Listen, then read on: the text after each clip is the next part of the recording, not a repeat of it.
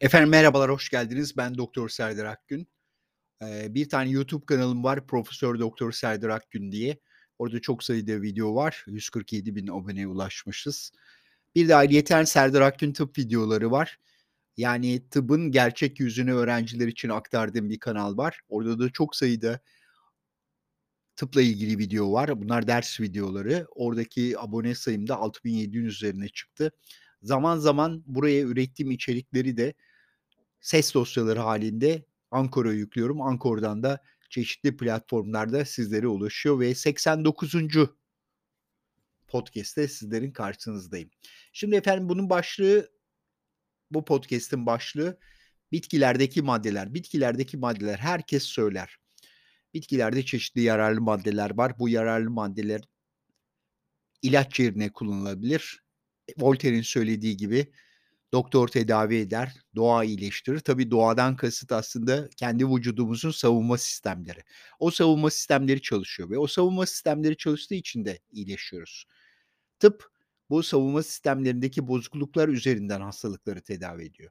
Ve dolayısıyla bakarsanız aslında hemen hemen bütün penisilinden başlayarak siklosporine kadar doğadan gelen bazı önemli maddeler ilaç haline dönüştürülmüştür. Ve hala da çok yaygın bir şekilde yani bilinenin aksine yani ilaç endüstrisi evet para, kapitalizm hepsine katılırım.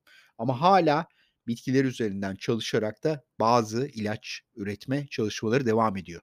Ve bizim temel tıp dediğimiz yani deneysel olarak anlamdaki çalışmaların çoğunluğunda da ilaç üzerinden çalışmalar yapılmasının yanında bir de ek olarak bu bitkilerin içerisindeki maddeler üzerinde de dehşet verici çalışmalar var. Yani dehşet verici derken sayı olarak dehşet verici çalışmalar ve giderek artıyor. Mesela ben bununla ilgili bir makaleye baktım ve o makaleden bir yazı hazırladım. O yazıdan bir video hazırlayacağım. Onu YouTube kanalında bulabileceksiniz. Fakat bunun yanında da bir ses dosyasıyla bu konudaki ana fikri aktarmak istedim.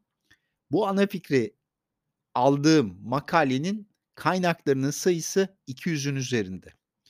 Şimdi varın hesap edin nasıl bir madde zenginliği var bitkilerde.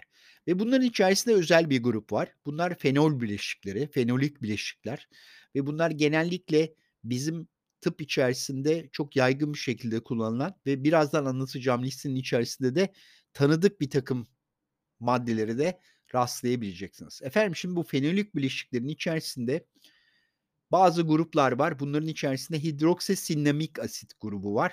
Hidroksisinamik asit yani sinamik sinemon akla gelebilir. Evet doğru. Tarçın.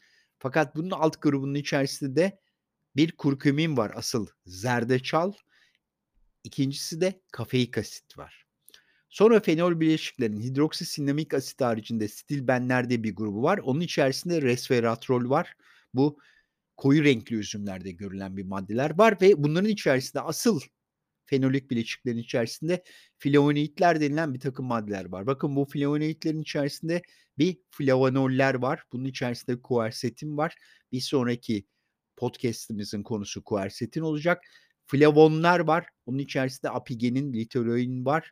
Flavanonlar var. Onun içerisinde naringenin, bak naringenin diye süper bir isim var. Esperitin var. Bunları söylüyorum ama hepsinin bir anlamı var. Ayrıyeten flavonollerden bahsetmiştik kuersetin. Bir de aynı zamanda küçük bir harf oyunuyla flavonol değil flavonol olan bir şey var. Bunun içerisinde de kateşinler var. Özellikle kırmızı biberde. Bir de izoflavonlar var. O da genistein. Bir de antoşiyaninler, antoşiyanidinler var.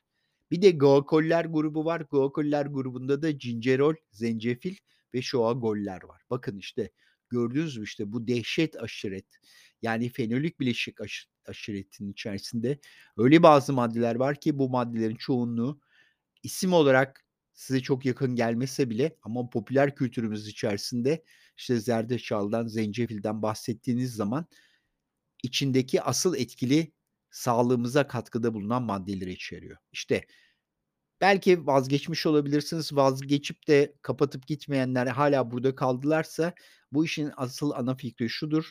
Bakın dünyada ilaç firmaları ve temel tıp alanında çalışan akademisyenler bu yoğunluk üzerinden yani bu kadar zengin bir aşiret üzerinden hala bilimsel araştırmaları devam ediyorlar ve bunlardan da ciddi yakın gelecekte olmasa bile eee, orta gelecekte ciddi ilaç ve tedavi seçenekleri olacağını düşünüyoruz efendim. Evet, bu sadece kafa karıştırmak için değil, kısa bilgi aktarmak için bir podcast oldu. Hepinize sevgi ve saygıyla selamlıyorum. Görüşmek üzere, hoşça kalınız.